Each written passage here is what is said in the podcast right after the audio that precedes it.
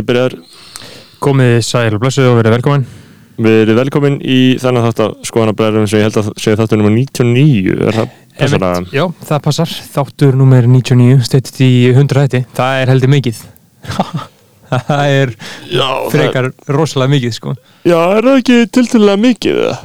Jú, ég held að það sé uh, ef maður hugsa um það þá myndi að taka uh, að því ég sá að var, einhver, var King sem að bústaði inn í uh, og bræðarlega um daginn sko, hvernig fólki hlu, byrja að hlusta sko og þú veist, það var einhvern svona konsensus á að þú ætti að byrja frá byrjun sko.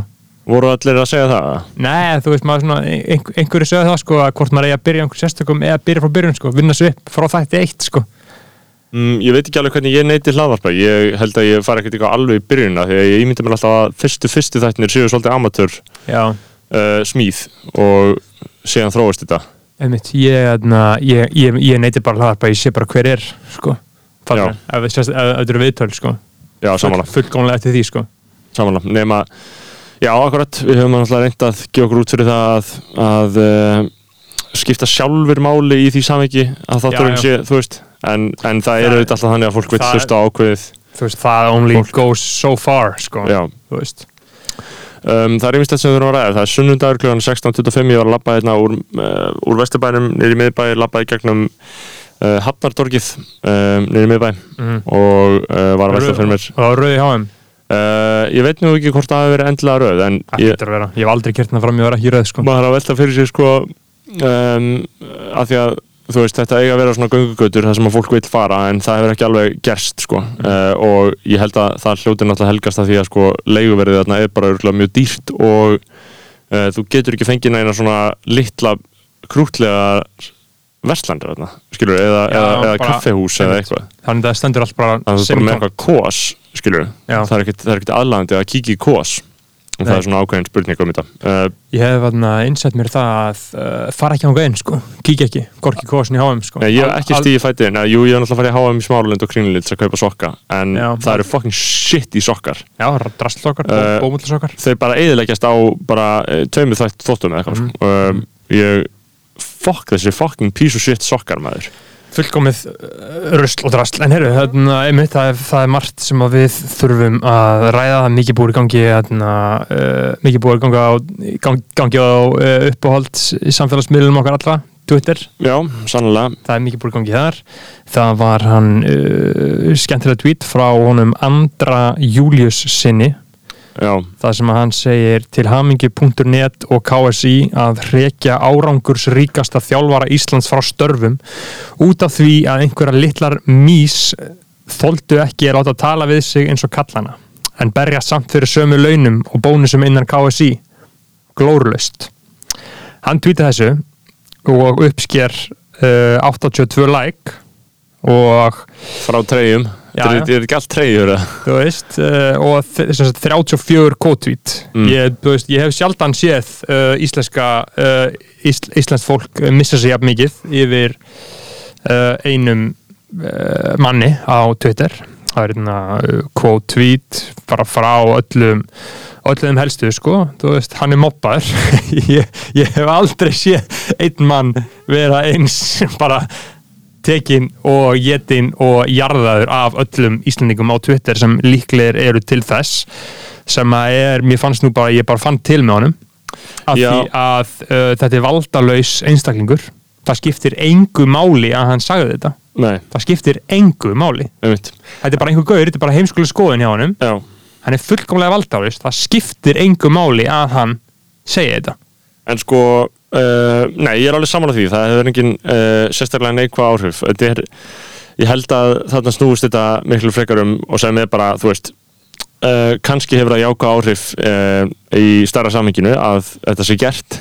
ég held, ég held þetta espi, svona menn upp Já, ég veit það ekki, en, uh, en ég leiði mér hins vegar að, þú veist, maður þarf alveg að huglega, þú veist, hefur það jákvæða áhrif að gera þetta, skilu, að taka, að gera að taka fólk og bara ganga frá því, út Já. af, út af einhverju svona, þetta er greinlega bara fáfræði og uh, fordómar, skilur bara bu bullshit, skilur Uh, en sí- að koma allir á íslenska Twitter hérna, hérna bara Hérna tvítar einhver, uh, get ég hægt að vera skagamaður, þessi gaurið sem frá skagama, ska, skaganum sko frá Mm. Akranesi, síðan tvítar önnur, uh, finnst ykkur kvennfyrirlitning í garð íslenska kvennalaðslinsins að hálfu eins liðsmanna ykkar í lægi að Kári Akarnes, Mm. hvernig ætli þið að taka á þessu, sem snitsjar hann til, uh, í, í liðan sko, byður, hann um að, byður þá um að, kansalunum með regan eða hvað sem það er. Já, en ég meina, ég- er það ekki er það svona ekki bara praxís, er þetta ekki eitthvað sem við gerum Æ, veist, Þetta þetta- er bara sem ég gert, Já. skilju, Eh, og hvort hvort það sé gott eða slemt eða ekki.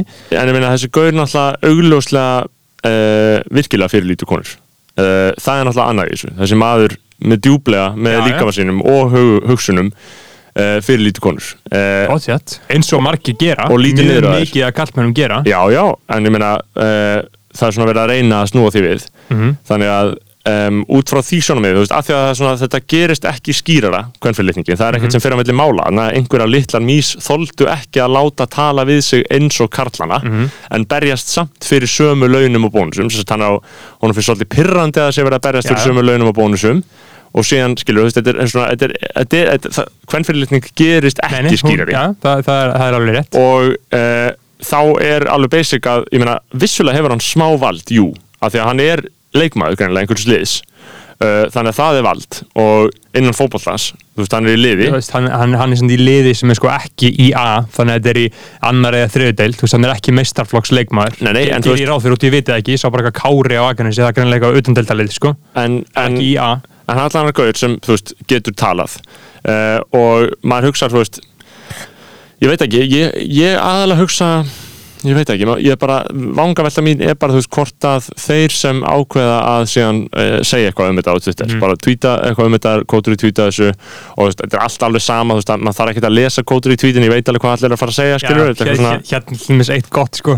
Hey Siri, síndu mér kvennfyrirlitningu já, já, eitthvað svona, Hey, wow, Siri, svo þetta, Siri bípaði já, þetta er mjög Ah. smúð já, það er- heyrði Siri í þér? Já, Siri, Siri heyrði og í það mér. er má ég sjá, má ég prófa hjá mér? Hei Siri, nei, ég er ekki með kveitt á þessu, ok, Nei, það gerði sem er, ég hef aldrei notað þetta aður já, en þarna um, Siri, síndu mér kvennfyrirlitningu. Já, já, já, en ég meina þú veist það er basic að tweeta einhverju svona shiti en ég, ég bara hugsa skilur hvort það vaki fyrir þeim að uh, um, eh, ég veit ekki ég, ég, ég bara veit ekki hvort að Að ég segja hvað vöku fyrir þeim. Hvað, Hann fór like, já vissulega líka sko. Það er eina. Nei, nei, það er náttúrulega ekki þetta eina. Þetta er bara líka bara fólk sem bara, mér er misbóð þetta er ógislegt, skilur uh, ég er að lesa þetta. Já, en síðan er hann, uh, Andri Júliusson náttúrulega búin að byggðast uh, afsökunar á þessu sko já, einmitt, og svo ekki verið afsökunarbeinin og, og, og segir sko uh, helviti góða sko uh, góða setningu sko að ég elska konur og ber mikla virðingu fyrir þeim.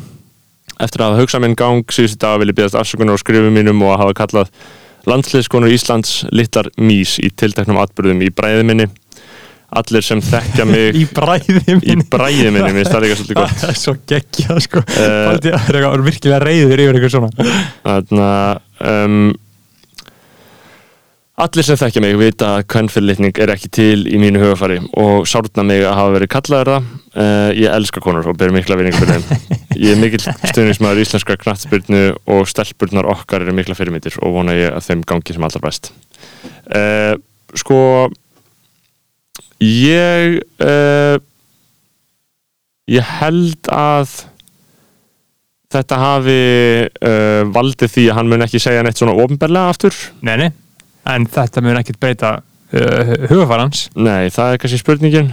Um, mjög ólíklega en síðan fóru náttúrulega líka margir að hjóla í einhverja svona smádrið, í einhverju málfarsatriðum hjá já, hann. já, akkurat Uh, fólk hópaði svolítið á hann vegna þess eins og gengur að gerist hérna á Íslandi sko. Já, og ég hef náttúrulega oftar talað um það í, í uh, þessum þáttum að að það er náttúrulega bara gríðarlega skadilegt fyrir uh, tungumálið okkar þegar við gerum þetta.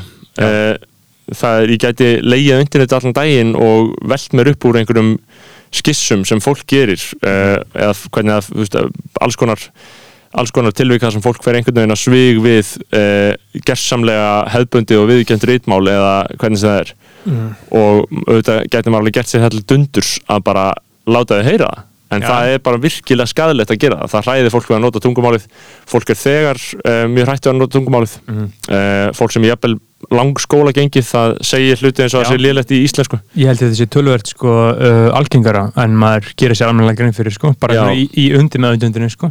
Uh, ég þekki það bara með sér sjálfur ef ég er ekki alveg viss hvernig ég á að gera eitthvað uh, hvernig ég á að skrifa eitthvað eða beigja eitthvað þá reyni ég að googla og ef ekki þá bara sleppi ég, finn ég annað orð skilju, ég, ég tek enga sensa sko. En- og það er náttúrulega svo smálega basic sko, en, en ég held að þú veist, svo, það ferli að, að þroska mál sitt og að þroska málnótkun sína, það felst í því að velta hlutum fyrir sér, fletta þeim upp uh, og, og þannig smá saman sapna maður þessi þekkingu um það hvernig maður nota tungumálu Já. og hvernig maður notar ólík orðtök og annað en En, er, en, en í daglegu töluðu máli þá á enginn að óttast það að vera, eh, þú veist, með að, að fremja einhver málspjöll, þú veist, það, það er svo virkilega óeðlilegt umhverfi sem við höfum skapað í íslensku samfélagi, það sem, að, sem er bara frá fornu farið, veist, umræðin í dagblöðum hérna, svona 1970-80-90 sem skilur eldri kynnslór okkar ólust upp við að svona væri bara talað um tungumálið, hún var gjörsamlega batshit ruggluð, sko, þú veist, það var bara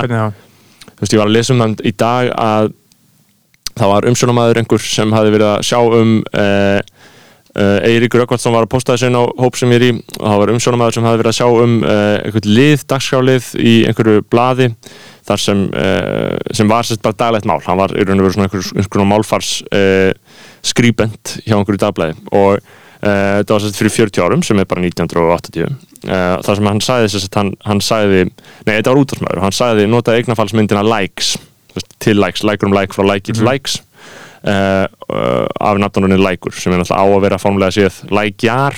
Uh, og hann, hann sagði af sér í útvarpunni uh, já, fyrir, að hafa þú já, hann sagði af sér.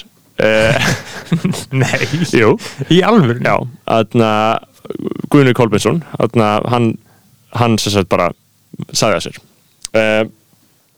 Það og- er það ógeðslegast sem ég heyrti á æmi Já, af því að hann sagði sko likes í stæðan fyrir lækjar. Og likes er eignafallsmynd sem við myndum líklega alveg sjá í töluvert uh, máli töluvert aðna margra núna myndi já, fu- fullkomlega lett uh, fullkomlega eðlilegt allan að segja þetta. Ég meina kannski að muna lækjar er hinn eiginlega eignafallsmynd en ég efast líka um að beðingalýsingin gefi upp likes sem gilda eignafallsmynd nei, þetta er ekki gild sko, þetta er ránt en tilhneyingin, málfræðilega tilhneyingin það er mjög auðvelt fyrir mig að útskýra eða ekki mig kannski en sérfræðinga að útskýra hvernig þessi tilfærsla verður. Þú bara alhæfir einhverja eina eignafallsgerð yfir á þetta orð og þá verður það ránt eða sagt, eh, ekki hefðbundið og Haldur Lagsnes skrifaði einhverja grein um, um þessa afsögn Guðnar Já. Kolbjörnsson uh, og hann sagði að fyrst, held ég að fyrirlesari væri eitthvað að narrast á okkur hlustendum. Þarna engum dettur í hug að lærður málfræðingur kunni ekki að fallbeða orði læk hitt undarlegra að hitt undarlegra að slíkum aður skildi ekki láta við, við sitja að byggast afs, letilega afsökunar á mismæli. Og þó var það óþarfi í stað þess að fara að sanna fyrir mönnum að umrætt eignafallsmynd væri vittlisa ég fer sem svo sem ekki að lesa alltaf greina hjá Læsni sko en, en Hva- hva- hvað hvað var tekið hans á þessu? Uh, hann segir hérna harðvítug Þess, hann er að segja, mitt auðvitað eftir engum manni í hug að Guðni Kolbjörnsson kunni ekki að fallbæða orðið lækur, þetta, þetta er svo fyndin umræða skilur, Ja. þetta er bara eitthvað sem hún segir, þetta er bara eitthvað sem framkallast í fokkin munninum að þér, skilur, að kunna að fallbæða er svo fokkin fyndin pæling. Uh, þarna, og hann, hann er að segja að þetta sé fáránlegt að hann hafi verið að segja af sér, já, uh, og ég get lesið hérna aðeins um þetta. Þetta, hann skrifa alltaf mjög vel sko. hann skrifa hérna, harðvítu sjálfskakrinni getur orðið sama og vond rítskoðun og ekki síst ef hún rekur höfund sinn í sjálfvalið rítabann auk þess sem vera kynni vafamál frá rótum hvort eignafallsmyndin likes sé villa. Hvert mál er eins og það er virt. Uh, í annan stað eru uppi málfræðingar sem myndu kalla rángmæli og rassa, rassambögur jafn gyrnileg til fróðuleiks og réttmæli ég er einmitt samanlega þessu, hann er að segja skilu að rángmælin eru jafn gyrnileg til fróðuleiks og réttmæli þú veist að Já. eitthvað sem fólk segir rámt er líka áhugavert það er ósköp einfalt að afgreða afbreyðilegar beigingamindir þar á meðal vanaleg mismæli sem málvillu Það er ekki heldur einhlítur málstæður að allar beigingar þulur séu ófrávíkjanleg viska eins og þær eru settar upp í dálka í skólabókum. Einn mórall er þó, ég held aðeins áfram, einn mórall er þó hafinn yfir önnur lögumál að fórnu og nýju, sá sem segir að allir eigi leiðréttingu orða sinna nema anskotin. And, and, sá sem segir, já, einn mórall er þó hafinn yfir önnur lögumál að fórnu og nýju, sá sem segir að allir eigi leiðréttingu orða sinna nema anskotin. Lagsnes alltaf skrifaði, þetta er svo flókið sko. Þetta er, svo rosalega flókið, sko, ég er bara smá svona út á meðan þú tala, sko. Hi- Hitt er mest fásinna að þó manni hafi á málþingi orðið mismæli sem munar einum bókstaf þá skuli lögbrjóturinn af sjálfstáðum setja, sér, setja, setja sér þær skriftir að láta ekki hafa úr sér æmni skremt í ríkisútvarpinu þaðan af. Hann sérst sagði af sér, en það er bara aðal, aðalmálið mm. sem er bara mjög aðtilsvært og Lagsnesi fannst, Halldóri fannst þetta yfirgengilegt eins og okkur finnst nú í dag Já, Eh, og ég- sko, mér finnst það mjög jákvætt að uh, það var- var í fréttum fyrir árið eða tveimur eða eitthvað að núna væri allar uh, lagsinsbækunar nútíma, á nútíma máli sem að læra í skóla. Mér finnst það enda viðbjöðs mér, mér finnst það raunverulega jákvætt eftir að svona, hugsa, þú veist, það getur enginn haldið einbendingu við þetta, Nei. það er ræmdi og skræmdi og tæmt, þú veist, maður einhver orð sem maður hefur aldrei heyrt og veist Þarna- ekkert hvað er. En uh, það, það er eina leiðin til þess að fá fólk til þess að lesa sögunar hans Sko, að því að ég tengi bara við það sjálfur að uh, oft að maður ætlar að fara uh, til dæmis lesa eitthvað eftir hann, þú ert að vera í sérstöku skapi þú ert Já. að vera bara í fullkomlega með í einbeitingar skapi sko. En- þú getur ekki bara rétt svo pikkað upp og bara tekið tíu blassir léttilega sko. Nei, sko, ég held nefnilega, þetta er náttúrulega líka svolítið aðtilsvert, sko, því að fólk uh, hefur talað eins og að séu ákveðin svona helgispjöll að taka hans stafsetningu og skemmana. Já, það, það er náttúrulega svífurlegt fyrir uppbrunulega listaverkið en Eh. það er allt í lagi að gera einhverja nútíum útgáðu fyrir þann sem á höfundaréttin ef að uh, fjölskyldan hann samþykja það sko. En ef maður, ef maður skilja, að því að, að því að fyrir hlustendur sem vita ekki, þá er það mjög útbreytt, þessi útgáfa núna er mjög útbreytt og ég held hún sé víða í skólum þar sem að stafsetningu er breytt til nútíma hórs. hversu mikill munur heldur það að sé er bara stafsetningu, það lítur að vera málfæri líka Nei, nei, ekkert málfæri, hvað, hvað er þetta að breyta það? orð Nei, nei, það er ekki gert, það er ekki sens. Það verður bara viðbjöður. Já, þannig að það er bara, bara stafsetning Þetta er bara stafsetningin. það er ekki neitt Uh, en hvað hva vill það þið fara að breyta orðum? já, þú veist, ég er bara að hugsa einhvern veginn að stitta setningan Nei, nei, nei, það myndi aldrei gerast. þannig að skilur sagan kom til skila þannig að það er ekki þannig að ennþá bókin heldur bara sagan sko, já, Lagsnes sagði líka sko, ég var líka með screenshotum daginn sem er nú á öllu einfaldra máli uh, þar sem hann var að, hann að skrifa ég lasaði bókinni um Þórberg uh, og hann var að tala um hvað er, að því þú tengir auðvitað þetta sem er með erfiða setningar. Um, en býtum við nei, já, við vorum að tala um þessar bækur sko, að því Lagsnes, sko, þetta er bara stafsningin og Lagsnes sjálfur gaf ok, út Lagsnes sjálfur gaf út uh, nokkra fortsögur, hann gaf þeim svo njálu í útgáfi sem við eigum heima, Brenniljósu uh, með stuttum eftirmála.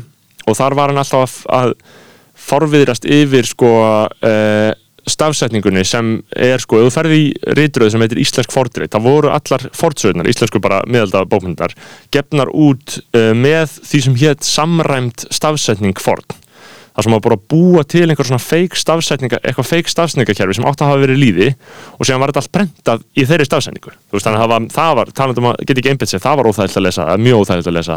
Þetta var aldrei prentað með nútíma stafsetningu en Lagsnes var mjög mikið á móti því að prenta ekki fortsögur með nútíma stafsendingu hann vildi prenta þær með nútíma stafsendingu og þá notaði hann ekki sína eigin stafsendingu sko. Þetta var einu skiptin sem hann notaði ekki sína eigin stafsendingu var þegar hann var að prenta fortsögur þannig að þú veist, það er eiginlega verið að fella hann á eigin bræði núna Já. með því að taka þessar bækur hans og prenta þær með nútíma máli. Og ég, eða nútíma stafsendingum ég finnst það svo sem alveg bara basic sko, veist, en það er viðbjör, viðbjör. Einmitt, ég myndi ekki vilja lesa ég myndi ekki vilja lesa Lagsnes án stafsendingarinnar ég, bara, ég, ég held að þetta var annað sko. Ég held að þetta væri bara svona styttri, ég held að þetta væri svona bæklinga útgáður sko. Ég held, ég veit, það er kannski til sko, en, en það væri, ná, það er alvöru spjöll, það er verið að skemma bókina sko. Um, en sko, Þetta mynd bara vera annað dæmi en það var bara svo fyndir reytvöndar að tala um reytvönd og ég, var, ég er að lesa þessa þarna um Þorberg, uh, Já. núna setnibindið og það er verið að, það er Lagsnes að tala um þess að uh, glímu höfundarins við að setja saman góða setningar uh, bara búa til setningar.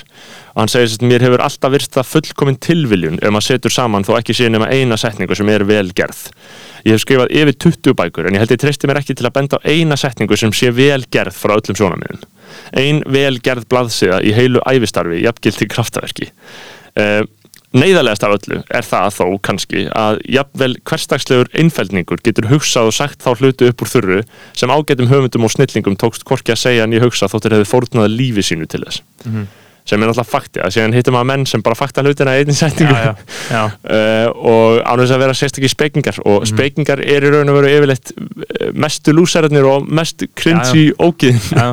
sem eru alltaf eitthvað að hugsa um þeir segja bara ekkert satt eða gott það er Nei. bara alveg fólk sem segir eitthvað satt og gott Já, það er að því að, því að fólki sem er raunverulega að reyna að finna eitthvað til þess að segja Já. það finnur alltaf eitthvað bullshit en þeir Já. sem er ekki reyna að finna neitt til að segja þeir segja bara það sem er inn í þeim sko. og eru bara að fara í gegnum lífið og segja bara hlutina sko. Uh, og, og ég hef alltaf, ég hef alltaf uh, fundið fyrir þessu allt í henni hittum að fólk sem segir faktar eitthvað hlut sko, uh, Mm. sem, að, sem að speikingar eða, eða bókmyndafræðingar eða íslensku fræðingar eða aðrir viðbjóðslega lúserar hafa aldrei getað sagt sko. Akkurat, hérna herru, ég að hlusta á uh, podcast hans Erps, uh, Slagi Babarinn þar sem að rappararnir uh, Kíló og Blaffi mm voru í heimsókn hjá honum. Og Kíló sagði sögu af sjálfum sér frá árunnu 1999 þá var hann sem sagt í Þískalandi uh, 18 ára gamall og, hafði, og hann var með vinnhópnu sínum þeir eru frá, þeir eru frá Keflavík eða Njarðvík, ég held að hann sé frá Keflavík og Blaffi frá Njarðvík. Já,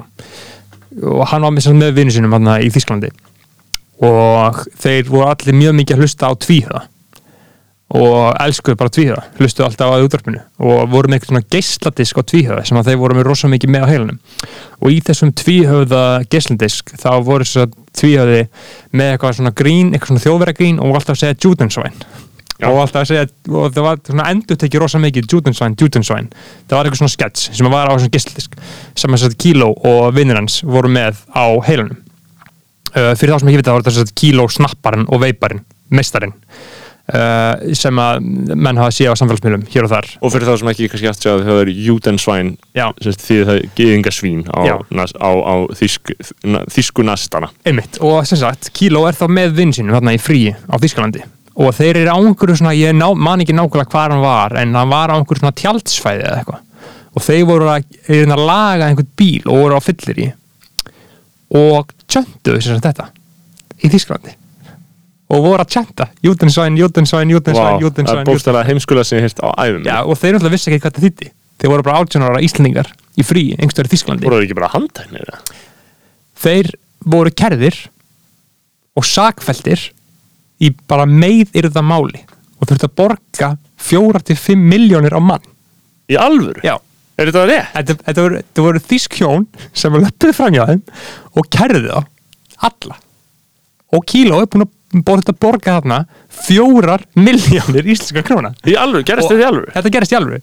Og á núverði fjóra miljónir ári Það er fyrir svona 20 ári 20-30 milljónir. það er 20-30 miljónir í dag, það er eiginlega bara íbúð í dag. Já.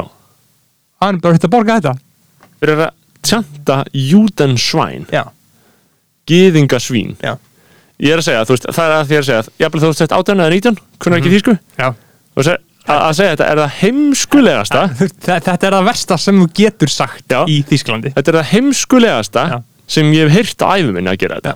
Að vera nokkri gaurar og Já. tjanta júdensvæn já, já. ég held að sé, ég hef aldrei ég hef eiginlega aldrei heyrt neitt Já. heimskulega þeir voru kærðir og sakfæltir wow, meið er það mál. Það er það sjúkasta sem Já. ég veit um. Og hann var bara að tala um þetta það tekið nokkur ára að borga þetta. Já, bara, en þú veist en ég, ég minnst líka aðtilsvert sko, ef maður fer út í það bara hvað akkur er mega eða mega ekki segja þetta. Og, og Eða, þú veist að þetta þetta- þetta er þetta er alltaf bara hatturs orðræða Já, og þjóður hafa tekið það öllu jöfnu alvarlega, Já, já, auðvitað. veist, og, og þetta er, þetta er líka skýrt gýðingahatur, Já. þú veist, þetta er ekki eins og að segja bara um, en, en þetta er náttúrulega líka, það hefur verið til umræðin á Íslandi hvernig þarf að setja einhvern ramma um, utan um haturs orðræði, Mhm. skilur, og haturs orðræði gegn transfólki og, alls konar svona, þannig setið, sko, um, en uh, þetta er alveg magnað, Já, mér finnst þetta svo magnað og líka bara þeir hafi bara tekið elli og þetta borga já. Bara, oh fuck it, þú veit bara, þú veist. Já, en ég er að segja líka, þú veist, þeir hljóta hafa fatta að þetta sniðrist um gýðinga, sko, pott, ég, Já, ég held þeir en svona ég- fatta ekki, en- en þeir það fatta ekki skískotunina sem þetta hefur. Þetta er bara upp úr einhverjum tvíhöfða skets sem að þeim fannst gett fyndin. Mhm. og þeir voru bara fullir og tjöndu þetta. Ég er ekki bara, Dan Svæn Já. Vá, hvað það er fucking fyndið. Þetta er það heimskulegasta. Þetta er bókstæðlega heimskulega það var svo gott og hann sagði frá þessu með smá svona ah, svo, fannst þetta alveg fyndið en samt svona einmitt, En þá situr ennþá í honum að hafa gert það. Vá, hvað þetta fyndið.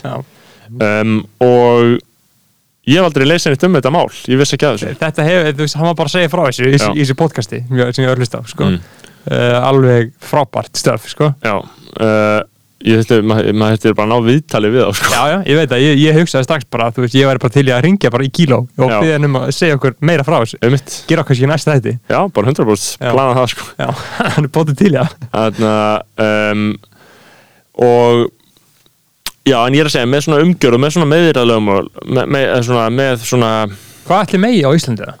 Íslandi? ég veit ekki nákvæmlega hvað má einfallega ég er sko. ekki, ég bara er ekki að, hreinu að mér í lögfræðin sko. Eh, en þetta er náttúrulega öðruvísi að því að uh, það er svo mikið allstaðar uh, í til dæmis bandaríkinum og Breitlandi þá er mikið verið að tala um svona antisemitism sko, það er svo mikið að gýðingum uh, það er náttúrulega maður þekkir maður, maður kannast ekki við það uh, bara umræð um gýðingahátur en eins og er svona á Íslandi að því það hafa verið uh, sára lítið að gýðingum hérna mm, og til dæmis bara eftir setna heimstjórnaldina þá uh, tóku Ísland ekki uh, á móti neinum gyðingum sko, maður hefur séð það einhverjum tweetum hér og þar sko, við veit ekkert meira en ég hef bara rétt svo séð það sko. það voru einhverju geðingar hérna á stríðsárunum og aðeins eftir, eftir setna stríð en ég veit ekki hversu mikið það var sko Nei, eða, eða hvernig var, var, eitthvað sára lítið sko. já, já, um, en uh, ég held að sko með svona meðira og með svona með, með svona um, lög um hvað má segja og hvað má ekki, mér finnst það mjög aðtilsvært sko og, og uh, eins og ég veit ekki hvort ég hef talað um það hérna í hlaðarspringapel en þú veist, það er eins og til með, með uh, einhver lög um til dæmis, eh, bara einhvern mann hefði eitthvað í einhver þýskur hlaðarp um, um umfjöllun um þetta að með svona hótanir. Mm. hvernig hótar einhverjum að gera eitthvað við hann?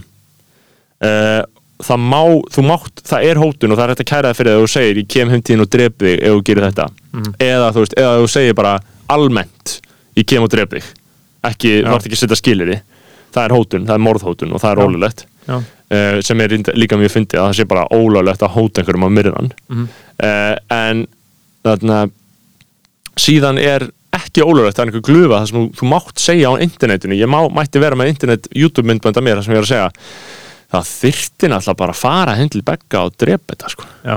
hvernig væri ef einhver færi bara að þarna húsinu sem er hérna og dræpa hann, þú veist þetta má. Það, er svo, geggja að vera ógisla löglæriður gaur. Já, Með með svona smugur. Já, með, með svona hardur sorðar já. YouTube-rás. Þess vegna eru lögfræðingarnir hættulegistir sko.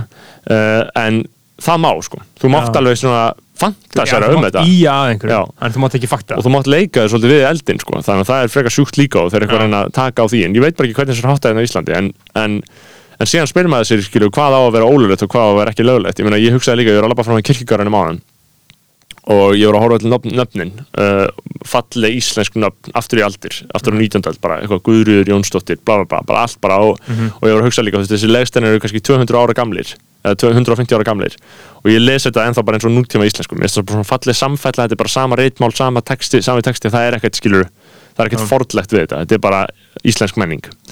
Og um, ég hugsaði að það skilur með þessa nýju mannanöndanemdar uh, löggjöf, það sem að þau vilja gera þar er að, er að leifa uh, ættanöfn og ég, fór, ég, ég er náttúrulega móti í, ég vil ekki að ættanöfn taki yfir hérna í Íslandi og, og þá eru sjóna með skilur að lög, það þurfi ekki á lögum að halda til þess að halda þessu svona, að við munum vilja hvað sem er.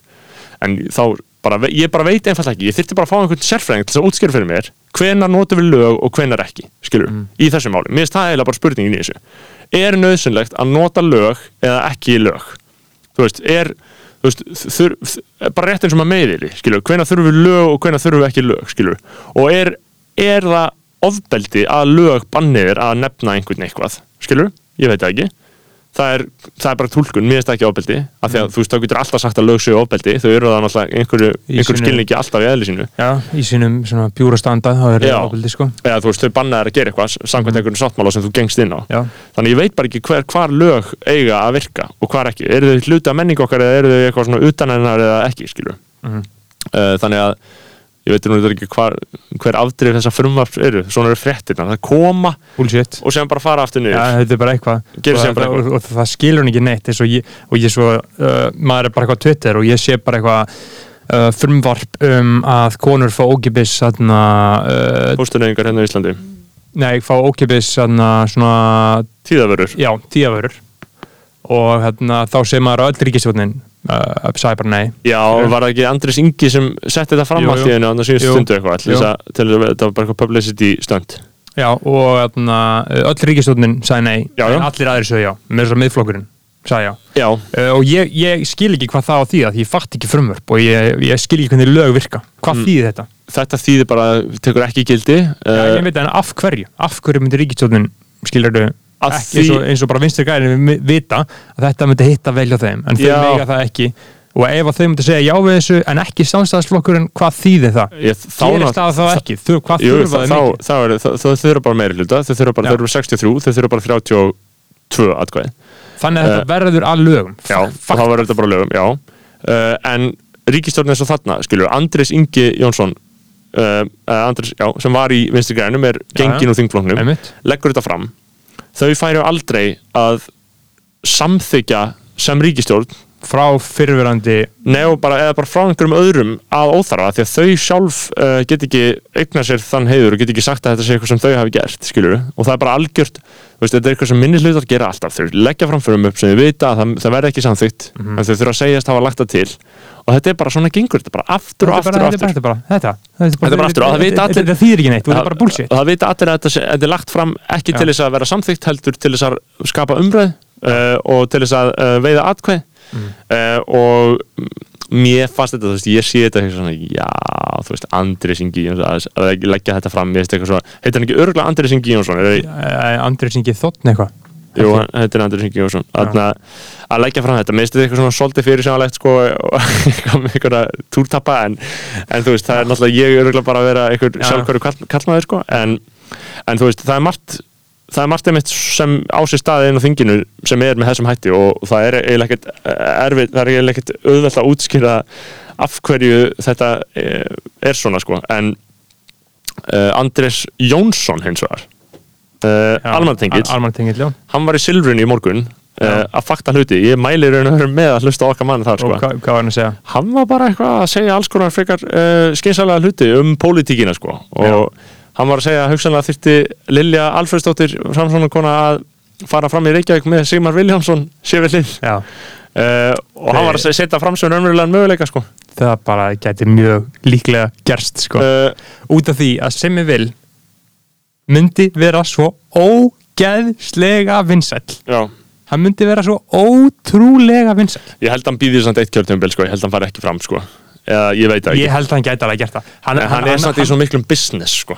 Hann er bara, hann er helmingun af risastóri samstökk sko. þú veist, Trump var líka í miklum business. Já, já. Þú veist, þú ert alltaf í miklum business. Gauður eins og Simmi er alltaf í miklum business. Já, já. Saman hvað hann er að gera Og þannig að þetta er bara svo, þetta hefur bara sannað sér í heiminum Þetta er svo gott trikk að hafa verið uh, aðal það sem að sko þeir eiga mest sammeilegt þannig Trump og uh, Bolson, Bolsonaro mm Mhm. -hmm. sé ekki líka sem að vilja það hann er bara miklu betri maður en Mhm. þeir eru með betri skoðanir sko. uh, það sem þeir áttu sammeilegt var að allir elskuðu meira en alltaf fá í viðtal þeir voru svo gott sko media fodder út af því þeir mætti viðtal til þín og þeir bara sögðu einhverja snilt Mhm. rétt eins og Simmi Mhm. Simmi mæti bara allir vilja fá hann í viðtal Já. að þú veist að hann er að fara að segja eitthvað þeim svona, hm, Já. skemmtilegt.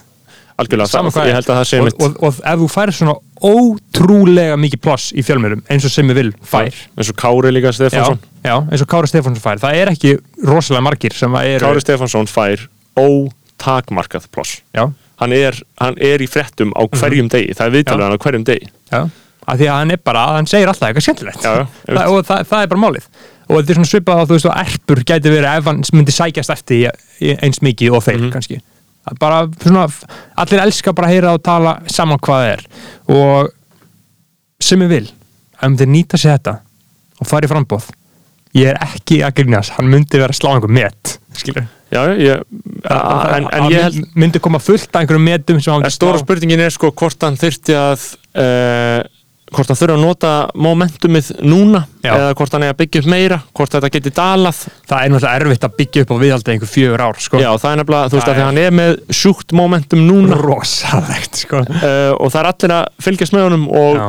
hann er svona maður sem gæti algjörlega að lofa einhverjum leiðum út úr COVID Já. þú veist bara áfram efnahagslífið Mhm. áfram uppbygging á Íslandi uh, og skilur fokk bara fokk Já, umhverfið þú bara, veist, bara, við erum Ísland, við erum Já, svo lítill já. við þurfum ekki að hugsa um þetta.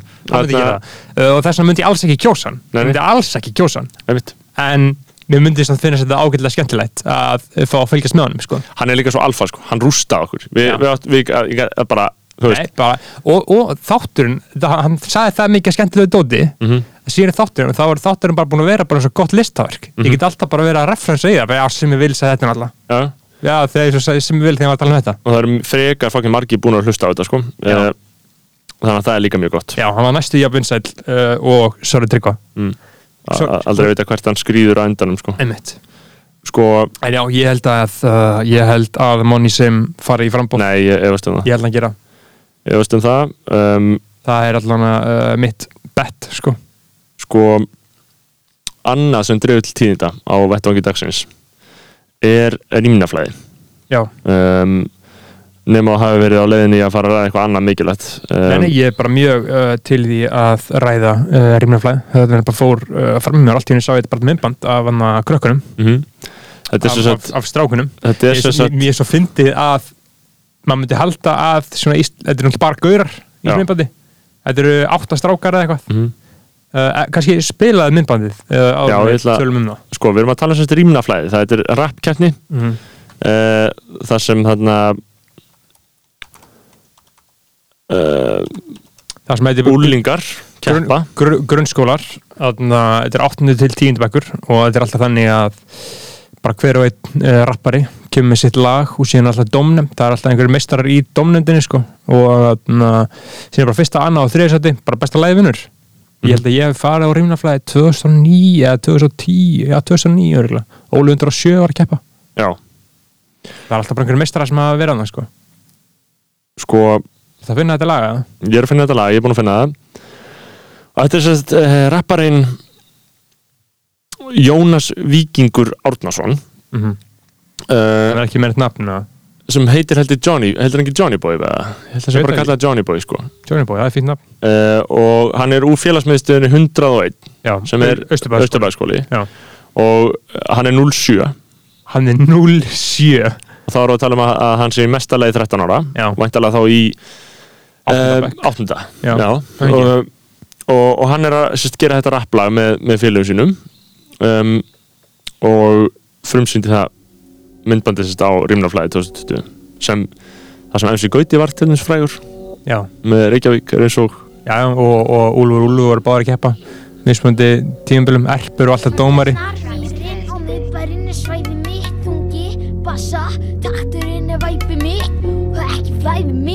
Og gamla góða shit Líða narmýrin á miðbærinni svæði mitt Ekki þetta hverfi Eins og lóa minn Ég mikka moves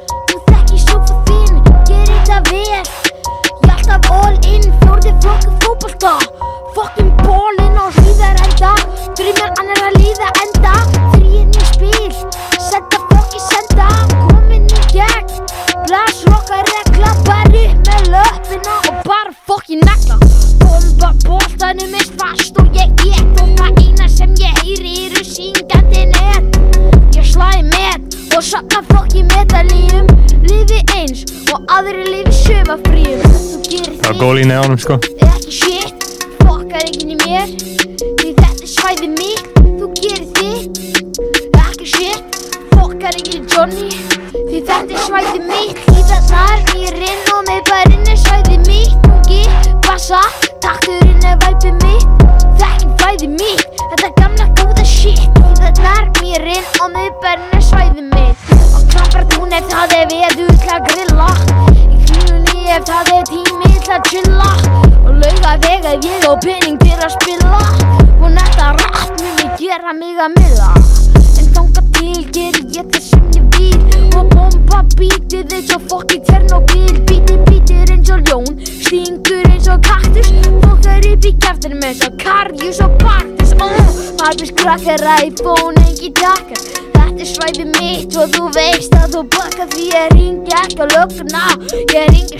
strákana, við græðum þetta hverfinu Ég gegnir nágrana, ég þekki nokkra fanta sem drakka fanta og mæta á staðinn. Ef að mig vantar fyrstu dags félagar þú veist hvað ég meina. Þetta er svæði mitt, hérna á ég heima. Hvítarnar, mýrin og miðbærin er svæði mitt. Tungi, bassa, takturinn er væpi mitt. Fekk flæði mitt, þetta gamla góða shit. Hvítarnar, mýrin og miðbærin er svæði mitt. Hvítarnar, mýrin og miðbærin er svæði mitt Tungi, bassa Takturinn er væpið mitt. Það er ekki flæðið mitt. Þetta gamla góða shit. Líðið þar mýrin og miðbærin er svæðið mitt. Þetta er mjög gott. Þetta er alveg frábært sko. Hlýðarnar, mýrin og miðbærin er svæðið mitt sko. Fyrstudagsfélagar, það Já. er mjög gott Já, sko. uh, mér finnst þetta svo gott að henn augljóslega sko lagði mikið upp úr að texta. Já, gaur og, og hvað er límittir eins og þegar aðrir í sumafríða Já, já, þú veist, þetta er bara uh, alveg aðeinslegt hjá honum og sko. fólk ætti að sjá þetta hút myndband sko, þeir eru upp í Östubæðskóla Já, þeir eru í Austó sko. Uh, og það sem er mér finnst svo áhugavert sko er hvað lítið breytist upp á það að þetta eru bara kallmenn, þetta eru bara strákar Já, það er einhver tilnefing hérna, til þess að Þe- Þetta hefur bara verið í aldan rás mm Mhm. þetta er bara eitthvað svona shit sem að gaurar gera. Já, uh, ég held þetta væri smá að breytast skilur að við Mm. værum að fara svona uh, svo núna eru stelpur í 12-0 og núna uh, mögum maður halda að stelpur var að gera svona dót í grunnskólu En þarna eru- líka já. sko. uh, en greinileg ekki Þetta er næst annað upp á teinum. Þetta er bara mjög klassíkt hafðbundi draumar eistunum, uh, stráka hópur uh, og, og rap, þarna, þekki nokkra fanta sem drekka fanta, þá eru allir með mjög mikið að fanta og eru Já, það, það er gott sko. Þarna, að drekka eins og eitthvað uh, misjamt í öðrum rapplöfum, þetta er náttúrulega dregur ákveðin innblástur úr því. En, En- fyrstudagsfélagar er, er mjög gott, fyrstudagsfélagar, Mhm. þetta eru greinlega fyrstudagsfélagarnir. já, Um, mér, já, mér finnst það mjög skemmtilegt sko hvað hvað hann eða Johnny eða þeir félagarnir sko lögðu auglustlega hann samti hann að texta skilur, þú veist maður hefði getið haldið ef að uh, 12 ára gaur var ekki að rappla í dag þá myndi hann hafa texta sinn umræðan og vera alveg sama og syngja frekar en að rappa Já, einmitt, að þetta En- sýnir, en- en- að hann vill gera Já. góða texta. þetta sýnir raunverulega að hann uh, vandaði sig við þetta Já, og marga línunar eru bara frekar Já. góðar, Já. skilur uh, bara mjög góðar, ég, ég, man næri ekki að greina þær almennilegir, ekki með texta mér frá mig sko. Nei, en, en uh, mjög, mjög öflugt en eins og ég segi, sko, þetta sýnir þetta er til marks um að það sé eitthvað lifandi í ungdónum Já. sem er, það er Já. einhver orka þarna, þetta er einhverja þú veist, og þetta sé ógeð, já, já, það, þetta getur king ógislegt sko, sem að er að, að, og, horfum myndbætti og hlustar að þetta er ógislega að horfa þetta en, en þú veist, það er, þetta Og- sýnir eitthvað þrótt sko. Og hann líka bara að segja frá sínu lífi skilur, hann er bara æfa fótballtæði val Já, já, skilur, og hann, hann er bara að tala um að skora bara stöngin inn. Einmitt, þarna, uh, hlýðarnar uh, mýrarnar og miðbærin Mýrin, Norðmýrin já, já, einmitt, hlýðarnar, Harl- mýrin. Harlem, eh, Ísland sko. Hlýðarnar, mýrin og, norð, og miðbærin er svæðið mitt. Uh, vona að rappi gerir mig að milla. Já, það var Þarna- bara hel, hel, helviti gott hjá hann og Johnny sko. Já, þetta er mjög gott til Johnny sko.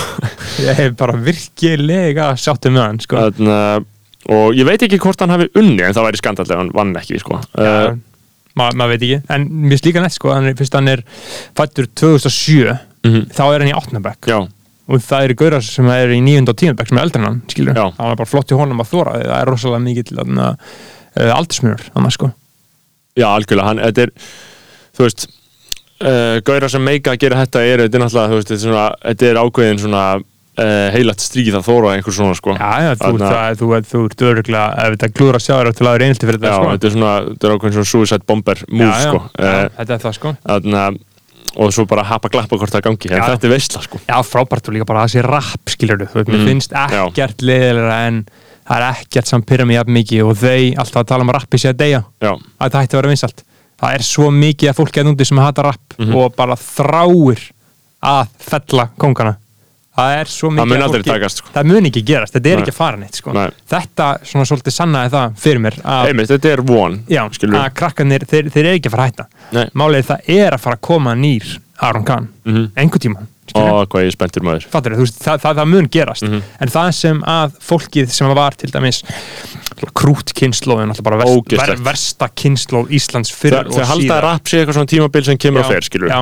Og allt verði þá aftur svona ógeðslegi gítarar og Allt- væl já, allt og, verður umulett eins og var allt verður rusl. og viðbjóðslegt og, og svona yfirbors góðmennska Já. og ógeð, það Já. er það ógeðslega sem Já. ég veit um, Já. það er viðbjóður svona karlfeministar í já. með trefill að drekka bjór leftist horni uh, sex positive.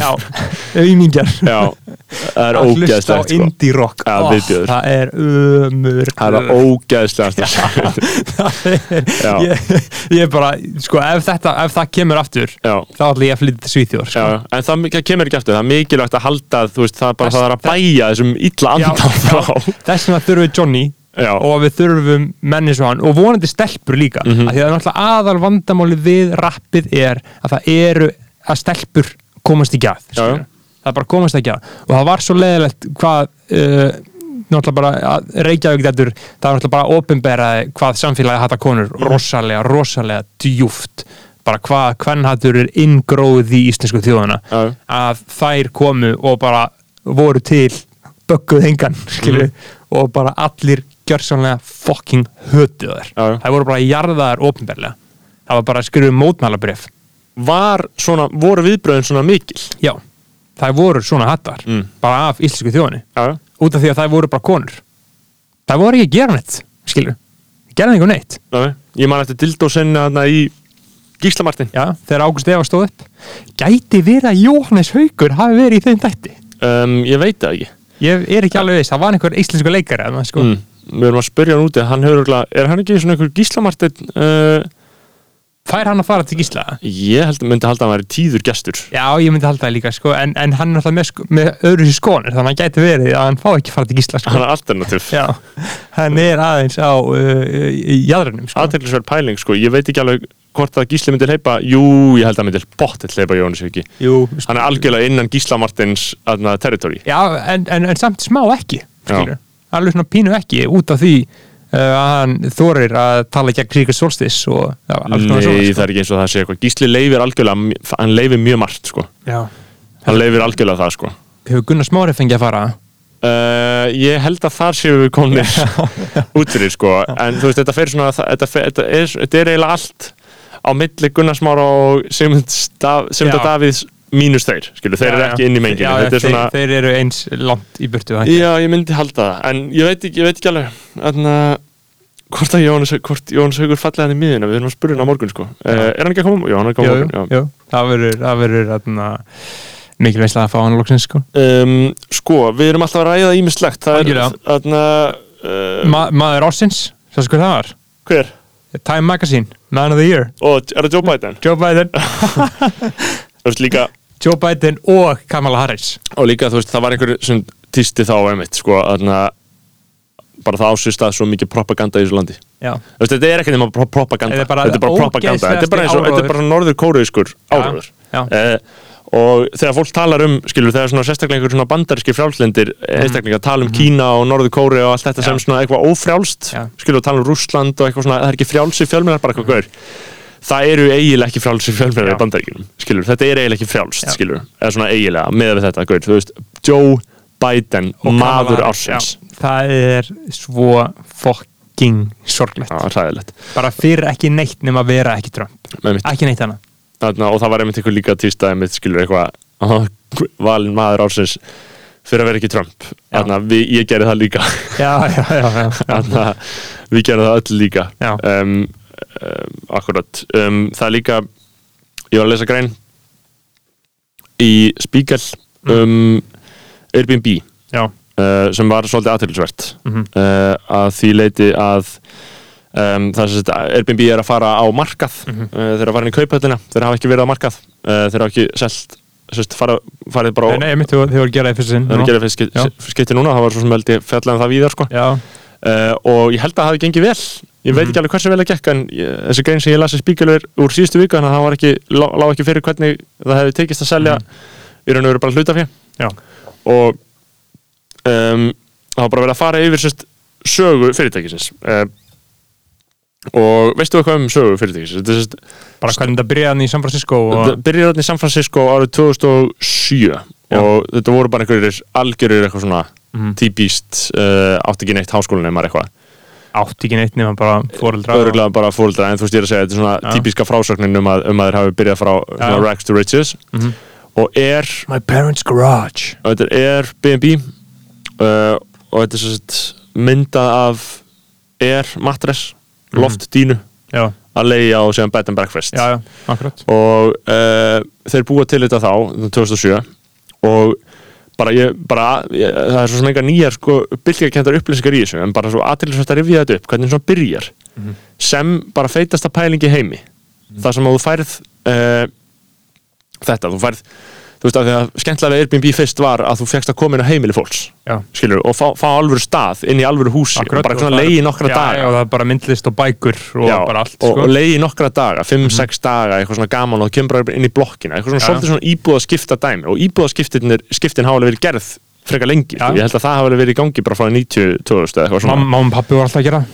En þetta var svona nýleið og bara geggjað í byrjun bara svona Airbnb, bara, ekki bara þú veist að smá fyrst svona, hei já, bara eitthvað ef ekki verið bara Airbnb íbúð, skilur mm. svona svolítið Wow. bara flippað og heipalegt uh, og bara svo aðtilsvægt hversu lengi það lifði, þú veist, kannski 2000 og Uh, öruglega, hvað myndum við segja? 2015-16 sem þetta fyrir að verða svona virkilega ógíslega systematíst og ógíslegt skilur 15, 16, 14, öruglega fyrir, tölvöld fyrir hjá, já, algjörlega tölvöld fyrir 2011-12, þetta, er- þetta er bara í fá ein ár eitthvað næs og svo bara snýst þetta upp og verður á martröð og Já, fólk menn, byrjar að menn, menn kaupa sér hús og basically búa til hótel já, og, og búið til hótel. Og, mm, og allt í hennu er eign Airbnb. Og þetta var líka svo aðtilsvægt sem að þið voru að fara á markað núna í einhverju miðri krepputíð Mhm. sem er svona samkvæmt einhverjum markaðsbla bullið að ekki sérstaklega æskilegt. Já, en að þeirra staða væri allt önnur en allra annara fyrirtækja í heimi þar sem að skilur auðvitað flugfélagi þá er bara, þá er eigninæginar að valda þér skaða á hverjum degi að þú getur ekki grætt á þeim. En Airbnb er ekki menninar eignir sem þetta gerir við á. Þeir eiga bara þetta kerfi. Já, ég myndi að eign, ein eignir þeirra er bara kerfi og upplýsingar um fólk. Það er lett skilur, ég myndi að hvað það er fucking nice eign til að eiga, skilur, það getur ekki fokkast upp. Þó að samkettning getur reyndar orðið en, en, en samanskapi getur grætt tölvört minna á því það er minn, tölvört minni á, áhætta Já. en þú veist, það er, þú ert ekki að fara að græða rosalega mikið á því, sko eru, eru gjöldin þeirra há eða? Er taka þér stórt hlutfall af því sem maður gerir það? Er það ekki Já. frekar lítið samt eða? það er svolítið freka lítið, sko það ég held að segja kannski 12% eða eitthvað ég meina, mér mjög þess að magna, Patreon tekur bara 5,5% af okkur. Já, furðulega lítið, um mitt ef þú myndið segja 20% bara, ok, ekki mál. Já, okkur, það er svona takk í peningin, þú Já. veist. ég myndi ekki fara neitt annað ég get ekki fara neitt annað. Eða það svona er svolítið, en Airbnb er náttúrulega í samkeppnu við sko, HomeAway og Booking sko. Já, Þú veist, það, það er svolítið svipa vinsælt sko. ok, en, en, en þetta er svona bara aðtilsvæst að sjá sko hvernig eignir eru ekki, þe- þeir eiga Já, ekkert nei, þeir í eiga- raun og veru. Og þetta er eins og na, uh, McDonalds. Mhm. Uh, það var þannig, sko, hefur sér bímundin The Founder, Nei, en þú er mælt með henni já, hún er góð. Ég hefur ekki að tala um þetta í einhverjum öðrum þætti sem bara fyrir löngu, sko, Já, þá na, uh, hann haksaði kerfi með því að það skipti engu máli að sem sagt eiga veitingastæðin eða EPA-ið á Mhm. McDonalds. Heldur leta hann alla sem að vilja opna McDonalds stað hann þarf, þú þarf að leia húsnæðið undir hann af McDonalds fyrirtækinu. Já, þannig að þeir eru alltaf að fá leigutekunir aðeir og þú mátt ekki opna McDonalds stað nema þú leigir af þeim. Og þeir bara kaupa nýtt hús, bara ok, þú vilt opna henni í Dallas. Þá byrja þeir á því að kaupa hús í Dallas og síðan finna þeir franchisee. Þegar þú ert alltaf að borga þeim fyrir að fá að opna McDonalds staðinn og þú ert skuldbundin til þess að leia sama hversu vel gengur hjá Já. þér. Já, En sko, ég held líka, já, einmitt, það er, það er styrlað, sko. Og svo er pólitíkin í þessu, þú veist, Mhm. Airbnb mætir, þetta snýst allt um fucking lobby.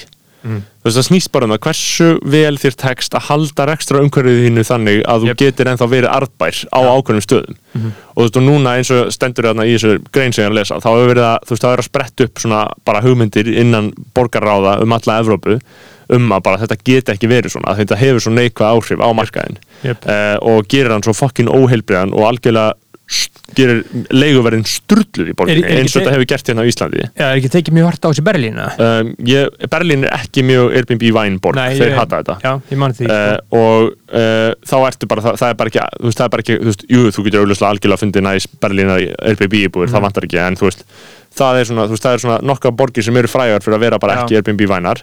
Uh, og Ísland, ég veit ekki hvernig hvort það sé sérstaklega Airbnb vænt ég held að sé eitthvað 30 miljóna tekjumark Nei, uh, þú, þú mátt fá 2 miljónur ári Já. skattfrálst þú mátt græða 2 miljónur ári á íbúðinni, Já. á einni eign á einni eign Já. já. Ég veit að kannski er á kennitölu ég veit ekki hvort það sé á mismund eignum ég veit bara um leiður búin að græða 2 miljónir þá ertu að byrja að borga svolítið mikinn skatt af þessu þannig að það sem ég borga sér ekki lengur sko. Uh, þannig að þú, það er mjög fínt fyrir fólk sem á íbúð og vil pimpa hann út yfir sum, sumarið menn það fyrir út á land það eða, er mjög smúð eða er. Og það er náttúrulega líka- það bara mjög sangjant sko. Já, það, er, það meikar sens fyrir mér uh, og ef þú hugsar það þá ef maður ætti bara einhverja basic íbúð í einhver staðar bara, þú veist, bara í bara norðumýri og gæti þá raun og veru bara valið um að leiða hana bara í langtíma leiðu eða bara gera þetta þú veist, og þá er þetta svona cirka að koma út á því sama sko, ef þú veist að miða þessu tæmilinu þó ég Já. hafi reyndar enga hugmynd um hvað er að tala um. En Það- útreikningarnir skilur en það er svona eitthvað þannig.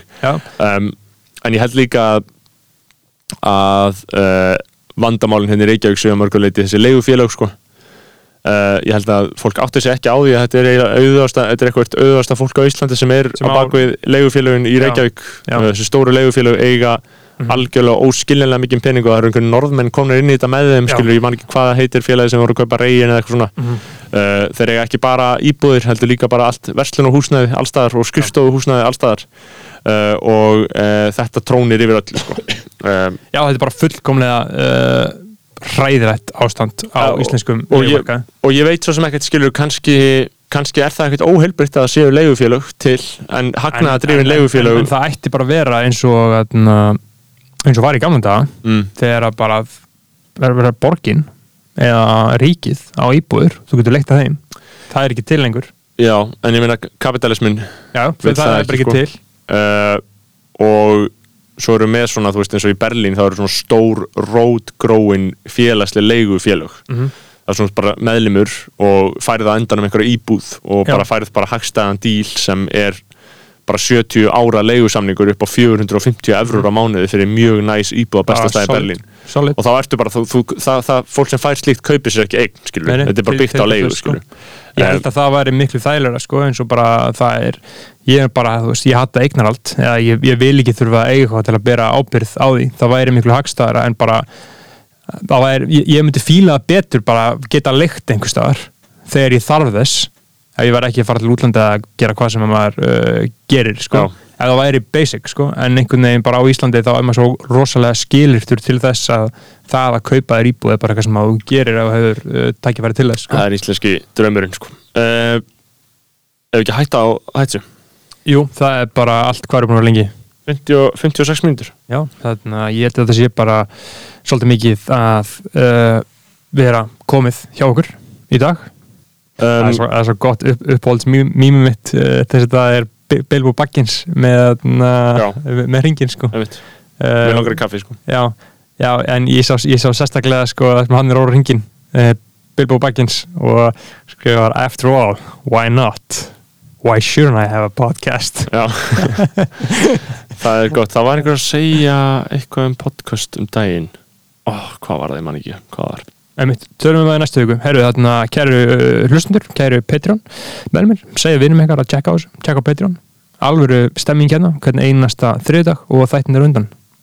Hafa það gott. Það var gott og uh, skemmtið ykkur vel. Uh, Gle, Gleðileg jól. Ætti ég að setja virðingu hérna sérstaklega örstutt á eitt sem ég var uh, Nei, nei, whatever. Hvað er það? Æ, ég var bara með eitthvað mynd líka sem ég tók úr bókinast Þórbergs að því að mér finnst svo gott stöf bara það sem Þórbergur skrifaði sem við verðum að tala um Sko þessi æfisa Þórberg sem að Pétur Gunnarsson skrifaði mm. fyrri hlutin miklu betur setni sko. Já, hann er Já. sko Það er besta bók sem ég hef lesið ég Já, Ég hef aldrei lesið bók sem er ja, skemmtilega skrifuð já Aldrei held ég ever sko. Ég, Hún er bara það skemmtileg að því að Þórbergur var á, á uh, þegar hann var kokkur á tógarunum og þau voru alltaf, alltaf kallað hann, kallað hann konu. Uh, og, og, hann var, hann var samt svo innblásinn sem sjómaður sko, og hann Já. skrifar í uh, skrifar Þórbergur sko á trollaranum finnst mér allt þetta tala um menningu dæmalaust lítilfjörlegt. Trollaralífið er alvarlegra og þingra en svo á bárunni. Að menn eins og ég og mínir nótar geti vegið hátegn þess með orðum Tógaralíf er takmark lífsins hér og tógarakarlarnir eru ekki þakkláttir þessum kjafta bullum á götunni sem lifa á því að kjafta upp líðin og velta sér yðjulausir í feitum embætum. Mm. Engin er eins illa settur á veslings tógarakallin, engin eins illa launaður, engin eins þjakaður, engin þjóðfélaginu eins ómissandi á hann. Ég vildi gjarnan hafa varið í lífi mínu til þess að yrkja hjartnæma vakningar sálma um alvarleik þessa sívóta hildarleiks sem íslenska ríkið reist á. Í stað þess hef ég gert skopa því. Yðrun mín er þungbær. Það er svo fallegt hvernig hann er að setja virðingu á uh, alvöru verkafólk Jep. uh, og tala um hvað hitt er fokkin falskt. Mhm. uh, og það er bara svo fallegt að segjast vilja yrkja hjartnæma vakningar sálfa, sálma um alvarleik þessa sívóta hildarleiks sem Já. íslenska ríkið er byggt á mm. að því að þetta sjá, sjóslís og svona sitt voru hérna í gamla daga fokking rosalegt sitt sko herru, Já. sjá bara öryggi á hafi úti áfram það. Þannig að skítið ykkur farið á Patreon og segja vinum ykkur að fara á Patreon og gefið Patreon í jólugjöf Gera, og uh, haldið ykkur ferskum. Takk fyrir. Bye